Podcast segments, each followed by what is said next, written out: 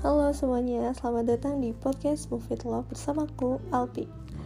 Oke, kali ini di podcast-podcast aku tuh sebenarnya ciri khasnya itu adalah hanya berceloteh aja karena aku meyakini bahwa kehidupan kita itu ibaratnya tuh sebuah cerita. Nah, setiap hari itu kita bakal menemukan cerita-cerita yang baru, yang seru, yang bermakna, dan juga indah untuk dibagikan. Nah, inilah ceritaku Mungkin untuk saat ini aku sempat hiatus banget ya karena kemarin-kemarin baru selesai skripsi. Dan temen aku tahu sih perjuangan teman-teman yang lagi melakukan skripsi itu mereka punya uh, tantangan sendiri. Mereka punya uh, kemudahannya sendiri mereka punya kesusahannya sendiri. Dan ketika aku riset kecil-kecilan gitu ya ke beberapa teman aku ternyata ya emang benar gitu. Karena yang kita cari pun setiap masalahnya beda gitu. Begitupun juga dengan penyelesaiannya berbeda juga. Begitupun juga dengan kemampuan kita untuk menyelesaikannya berbeda juga. Jadi menurut aku gak ada skripsi yang paling bagus gak ada skripsi yang paling jelek. Karena semua orang ketika menyelesaikan hal itu mereka punya uh, achievement mereka masing-masing. Mereka punya kesusahan mereka sendiri mereka punya tantangan mereka sendiri gitu. Jadi ya seperti itulah ketika uh, kita sedang di fase-fase menyelesaikan skripsi itu. Jadi aku di sini mau mengapresiasi dulu buat kamu yang dengerin podcast aku dan udah bisa menyelesaikan skripsi itu selamat. Karena hal-hal yang udah kamu apa ya tunjukin ke diri kamu sendiri gitu.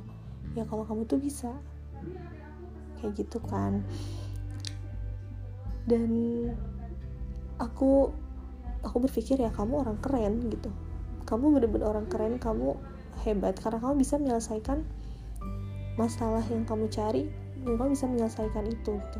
Kamu bisa uh, mengontrol diri kamu untuk misalkan bangun di tengah malam atau misalkan rela untuk begadang misalkan demi menyelesaikan skripsi kamu itu. Jadi ya yang aku yang aku rasain sejauh ini yang aku lihat ke teman-teman aku mereka juga punya tantangan mereka sendiri dan aku melihat wow mereka semua keren gitu dan untuk kamu yang baru juga di wisuda selamat juga. Dan ini adalah awal saatnya kita untuk berjalan lagi lebih jauh lagi. Karena kita akan mengalami kehidupan yang sebenarnya. Ya mungkin itu ya kata keluarga aku tuh kayak gitu. Um, ketika kamu keluar kuliah ya kamu akan menemukan gitu kehidupan yang sebenarnya seperti apa. Sebenarnya kalau yang aku rasain pas lagi kuliah pun ya aku juga merasakan mungkin ya kehidupan kehidupan yang yang mungkin yang mereka bilang tuh yang sebenarnya tuh kayak gimana kan aku juga belum kebayang ya. Cuman ya yang aku tahu ya mungkin yang biasanya kita punya waktu untuk misalkan belajar kuliah untuk menyelesaikan tugas ketika kita selesai kuliah kan kita juga udah gak punya apa-apa lagi ya gak, kita bingung gitu mau ngapain juga. Nah kayak gitu kan. Kalau misalkan emang kita nggak punya tujuan yang besar yang mau kita selesaikan yang mau kita bereskan di dunia ini. Tapi kalau misalkan diri kita masing-masing ini punya tujuan gitu ya kita punya ya kalau aku sebut sih kita punya life planning gitu ya itu pasti nggak akan bingung juga setelah wisuda ini mau ngapain sih mau ke mana apa sih yang harus dilakuin. Nah kalau misalnya udah punya tujuan pasti nggak akan bingung juga gitu. Di sini juga aku kemarin karena aku juga sempat gimana ya sempat kehilangan jati diri aku gitu. Karena ketika menyelesaikan skripsi itu benar-benar 100% um, pikiran aku tuh bener-bener aku dedikasiin untuk menyelesaikan skripsi itu gitu. Jadi um, mungkin beberapa persen untuk menyelesaikan masalah-masalah lain tuh yang gak aku prioritaskan dulu. Jadi yang aku prioritaskan itu ya skripsi. Nah sempat aku kehilangan jati diri aku yang selama ini emang apa sih yang aku mau tuh apa? gitu. Aku sempat kehilangan itu karena sebelum sebelum aku mengambil skripsi ini tuh ya aku juga berkegiatan gitu. Berkegiatan dengan uh, to-do list to list yang aku kerjain. Misalkan aku les apalah les bahasa atau misalkan les les yang kayak misalkan tentang accounting ya yang gitu gitulah pokoknya ya. Ikut hmm, short course gitu. Jadi itu sih yang membuat aku tetap apa ya tetap oh aku tahu aku mau ke mana gitu. Tapi ketika aku skripsi nih aku benar-benar mendedikasikan seluruh waktu aku buat skripsi aku hampir lupa. Jadi aku mau ke mana? Nah udah gitu aku baca nih baca-baca sedikit bukunya dari pokoknya judulnya tuh Good Vibes Good Life nah, bagaimana mencintai diri sendiri dapat menjadi kunci pembuka kehebatanmu ini tuh di sini berdasarkan kebijaksanaan dan pengalaman pribadinya Beliau itu menunjukkan cara mengubah emosi negatif menjadi emosi positif dan juga cara mencintai diri sendiri dan cara mengatasi rasa takut. Nah, beberapa insight yang aku dapat dari buku ini tuh uh, dia tuh cuman mau ngasih tahu setelah pengalaman yang pengalaman hidup yang dia rasain dia tuh mau ngasih insight gitu. Kalau insight yang aku dapat tuh katanya kamu itu datang ke sini uh, syarat dengan potensi kemampuan, anugerah, kebijaksanaan, cinta, dan juga kecerdasan untuk dibagikan kepada dunia. Kamu di sini untuk membuat dunia menjadi tempat yang lebih baik. Kamu memiliki tujuan dan sampai kamu mulai menjalaninya. Akan ada kekosongan di dalam diri kamu. Perasaan yang tidak bisa kamu jelaskan, tetapi perasaan yang mengetahui bahwa kamu ditakdirkan untuk menjadi sesuatu yang lebih lagi. Jadi emang benar ketika aku mulai melupakan semuanya aku mendedikasikan seluruh prioritas aku buat skripsi itu kayak aku merasa ada kekosongan gitu di dalam diri aku sendiri. Aku juga nggak tahu itu kenapa. Nah setelah aku lihat-lihat oh ternyata yang pertama karena yang biasanya aku bergerak untuk sosial misalnya ikut uh, komunitas ini ikut komunitas itu gitu. Misalkan untuk eh seenggaknya mungkin dari hal kecil aku ngebantu jadi kepanitiaan entah itu MC atau misalnya moderatornya atau misalkan di bagian ya apa pun itu misalkan administrasi administrasi atau misalkan ya bagian-bagian humas yang gitu-gitu ya. Pokoknya yang bergerak untuk sosial gitu. Nah ketika aku skripsi kan aku bener-bener itu aku nggak sama sekali nggak aku ambil. Misalkan aku ditawarin jadi MC nggak aku ambil. Ditawarin jadi ini nggak pernah aku ambil. Jadi aku benar-benar memprioritaskan skripsi aku kayak gitu. Nah ketika aku menjalaninya eh, sambil aku aku juga ada sih waktu kosong dan aku isi buat nonton drama-drama Korea kayak gitu. Ya pasti di sini kalau misalnya kamu suka drama tapi aku juga nonton drama bukan yang sekedar nonton drama yang untuk apa ya hmm, di situ karena ada beberapa drama Korea itu yang punya value juga dan aku bisa mengambil value-nya dari situ gitu. Misalkan tentang bisnis atau tentang apa ya menurut aku banyak sih yang bisa ada insight-nya karena kan tergantung kita ya kita ngelihatnya dari sudut pandang apa gitu ketika kita menonton sesuatu. Oke balik lagi ketika merasa ada kekosongan itu uh, aku mulai mempertanyakan lagi emang kenapa ya? Kenapa kayak gini? Oh ternyata pas aku ketemu mentor aku aku dapat lagi hmm, ya seenggaknya kayak dikasih tahu lah gitu bahwa ya kamu itu hidup bukan untuk diri kamu sendiri gitu. Kalau misalkan kamu hidup buat diri kamu sendiri pasti bakal banyak banget kekosongan yang kamu rasain. Karena emang bener banget ketika aku mendedikasikan diri aku untuk ya aku membagi-bagi misalkan ada untuk diri aku pribadi untuk keluarga untuk sosial itu tuh kekosongan di dalam itu kayak nggak ada gitu. Kayaknya seluruh waktu aku tuh emang sih capek emang sih berat tapi ngejalaninnya tuh um, gimana ya? Kayak penuh kayak penuh aja gitu. Kayaknya rasanya tuh seneng rasanya bahagia rasanya tuh cukup rasanya tuh gimana ya? Ya mungkin itu yang namanya berkah kali ya karena kita hidup bukan untuk memenuhi kebutuhan-kebutuhan kita sendiri aja gitu. Tapi kita juga ada keluarga ada sosial ada teman-teman yang juga mereka mm, punya haknya dari kita kayak gitu lanjut lagi ke dalam buku ini katanya di sini uh, dia bilang bahwa saya percaya bahwa setiap orang itu memiliki tujuannya dalam hidup. Tujuan untuk mengabdi kepada dunia.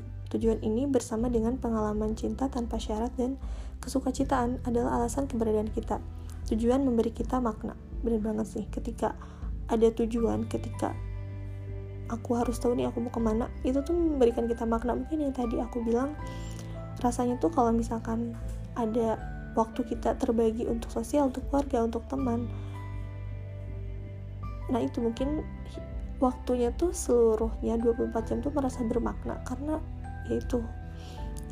Terus kebanyakan orang tuh kesulitan mengidentifikasi apa tujuan mereka yang sebenarnya. Ada juga yang lambat-lambat mengetahui tujuan mereka tetapi sering dipaksa untuk menyesuaikan diri dengan hal-hal yang ada dan menolak tujuan mereka yang sebenarnya atas alasan kepraktisan. Di sini tuh dikasih sebuah contoh. Misalkan pikirkan tentang bola sepak. Tujuan dari bola ini itu adalah untuk ditendang. Jika bola hanya bertengger di sana tanpa melakukan apa-apa di sudut ruangan, tujuannya diabaikan, tetapi ia tidak peduli karena bola tidak memiliki jiwa. Bayangkan sekarang jika bola memiliki jiwa, berisi bola kesadaran diri. Jika bola tetap berada di sudut ruangan, ia akan merasa aneh, seolah-olah ada sesuatu yang hilang. Si bola mungkin tidak akan pernah menemukan kepuasan karena seolah-olah ia tidak menunjukkan kepada dunia nilai dirinya yang sebenarnya.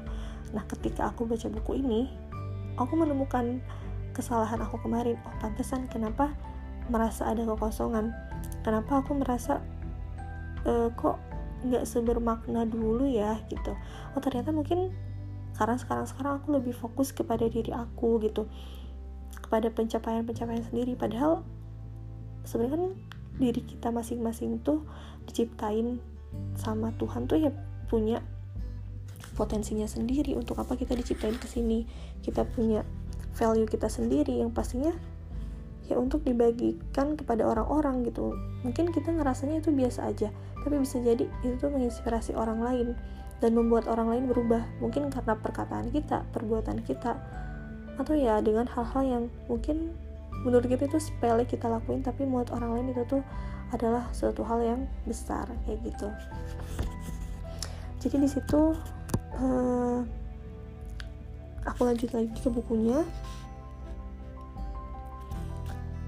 Sekarang bayangkan seseorang akhirnya mengambil bola itu dan memutuskan untuk melemparnya saat si bola meluncur di udara, rasanya sungguh luar biasa. Namun, beberapa saat kemudian, bola itu kembali merasakan kekosongan di dalam dirinya, karena meski menyenangkan, itu tidak cukup. Bola itu tidak dapat digunakan dalam berbagai cara, melihat banyak aksi tetapi masih tidak merasa terpuaskan. Bola berasumsi bahwa semakin banyak peristiwa yang terjadi dalam hidupnya, semakin dekat pula pemenuhan dirinya. Namun, semakin banyak peristiwa yang dialaminya, semakin terbantahkan pula lah gagasan ini. Sampai suatu hari, si bola ditendang. Pada saat ini, semuanya terasa masuk akal. Ia mengerti untuk apa ia dirancang. Seharusnya ia ditendang. Si bola kembali meng mengenang berbagai peristiwa yang telah terjadi dan mulai menghubungkan titik-titiknya ketika sedang digerakkan di udara dan ketika merasakan seseorang menekannya. Ia mengalami perasaan senang yang berhubungan dengan tujuannya si bola sekarang tahu apa yang dicarinya selama ini. Mungkin yang tadi kan, yang pertama kan tadi bola itu cuman di si bola yang yang seharusnya ditendang tapi dia malah dipegang, dia nggak diapa-apain gitu. Terus dia e, dilempar ke udara gitu tapi pakai tangan. Yang seharusnya kan dia ditendang pakai kaki gitu kan. Nah, itu mungkin aku juga merasain oh, mungkin aku tuh ada di sini dengan baru beberapa value yang aku punya dengan kemampuan yang udah Tuhan ciptain ya masing-masing diri kita tuh unik terus aku nggak ngelakuin itu semua untuk orang lain aku cuma ngelakuin itu semua untuk diri aku. Oh mungkin itu ya kenapa aku merasa kosong gitu. Dan ketika aku baca buku ini aku juga um, karena ya aku tahu kita tuh nggak harus uh, ngebaca buku tuh dari itu tergantung orang masing-masing. Cuman kalau aku tuh mikirnya aku nggak harus ngebaca buku misalkan dari awal sampai terakhir yang berurutan kecuali memang itu berurutan. Jadi aku kadang mengambil beberapa insight yang yang aku perluin dalam hidup gitu. Oh mungkin mungkin sekarang aku lagi ngerasa ada kekosongan dalam hidup nih. Terus aku tiba-tiba nemu buku yang ya mungkin kayaknya cocok nih buat aku tentang kehidupan yang aku baca gitu. Tapi kalau misalkan aku lagi butuh buku tentang bisnis atau tentang manajemen ya aku juga baca buku-buku itu. Jadi tertentu aja gitu bacanya balik lagi ke sini. Hmm, jadi ya gitu. Jadi kalau misalkan sekarang kamu lagi dengar podcast ini kamu juga merasa lagi ada kekosongan di dalam diri kamu lagi merasa ih sebenarnya gue tuh mau ngapain sih di sini? gitu. Sebenarnya aku tuh mau ke mana sih? Udah kayak gini kok aku ngerasa kosong banget sih hidupku kayak useless banget ya aku kayak gak berguna banget gitu. Ya mungkin kamu bisa tanya lagi ke dalam diri kamu apa sih sebenarnya yang mau kamu apa yang kamu inginkan yang benar-benar kamu tuh mau mencapai itu gitu. Cuman kalau aku kemarin ketika aku ditanya gitu ya aku bingung sih mau ke mana gitu. Tapi ketika aku punya guru ketika aku punya mentor nah e, beliau lah yang ngarahin aku oh kamu nih cocoknya di sini kamu tuh harus kayak gini kayak gini kayak gini. Kayak gitu. Jadi saran aku pertama sih kamu harus nemuin mentor kamu biar kamu juga tahu ke mana kamu harus melangkah ngapain aja. Karena yang aku tahu juga orang-orang hebat di luar sana tuh ya mereka punya guru mereka punya mentor yang membimbing mereka. Orang tua udah pasti tapi guru itu beda karena mereka bisa uh, ngasih tahu kamu oh kamu ini salah nih harusnya kamu ke sini ya seenggaknya mereka juga udah berpengalaman di bidang itu jadi mereka bisa ngasih tahu kamu lebih spesifik gitu. Itu sih jadi jangan lupa kamu juga harus cari guru entah itu misalnya seorang ustadz atau misalkan kalau aku beliau itu uh, seorang praktisi di bidang pengembangan diri. Itu jadi beliau mentor aku yang pokoknya ketika aku ketemu beliau pasti selalu muncul inspirasi baru gitu. Nah kamu harus sekarang harus harus nah kalau misalkan kamu menemukan yang seperti itu ya kamu harus kejar gitu karena kerangka berpikirnya itu pasti ya bisa kita ambil gitu kerangka berpikir pula bahasa masih bahasa bahasa skripsi ya mohon maaf ya pokoknya jadi kayak gitu pokoknya hidup itu akan terasa lebih besar jika kamu menjalaninya dengan penuh tujuan ketika kamu menemukan alasan yang berarti untuk melakukan apa yang kamu lakukan. Kamu akan merasa lengkap. Sebenarnya itu ada tujuan di balik keberadaanmu dan ketika kamu menemukan apa tujuan tersebut, kamu tidak akan hanya mengubah dinamika dunia, tetapi juga mengalami keberlimpahan di segala bidang kehidupanmu. Dari aku, mungkin cukup sekian cerita-cerita celoteh-celoteh pengalaman hidup aku ya karena balik lagi ke kata-kata pertama tadi karena kehidupan kita itu ibaratnya itu sebuah cerita. Setiap hari kita bakal menemukan cerita-cerita yang baru yang seru yang bermakna dan indah untuk dibagikan. Inilah ceritaku. Dan di podcast Move It Love. Sampai jumpa di episode-episode selanjutnya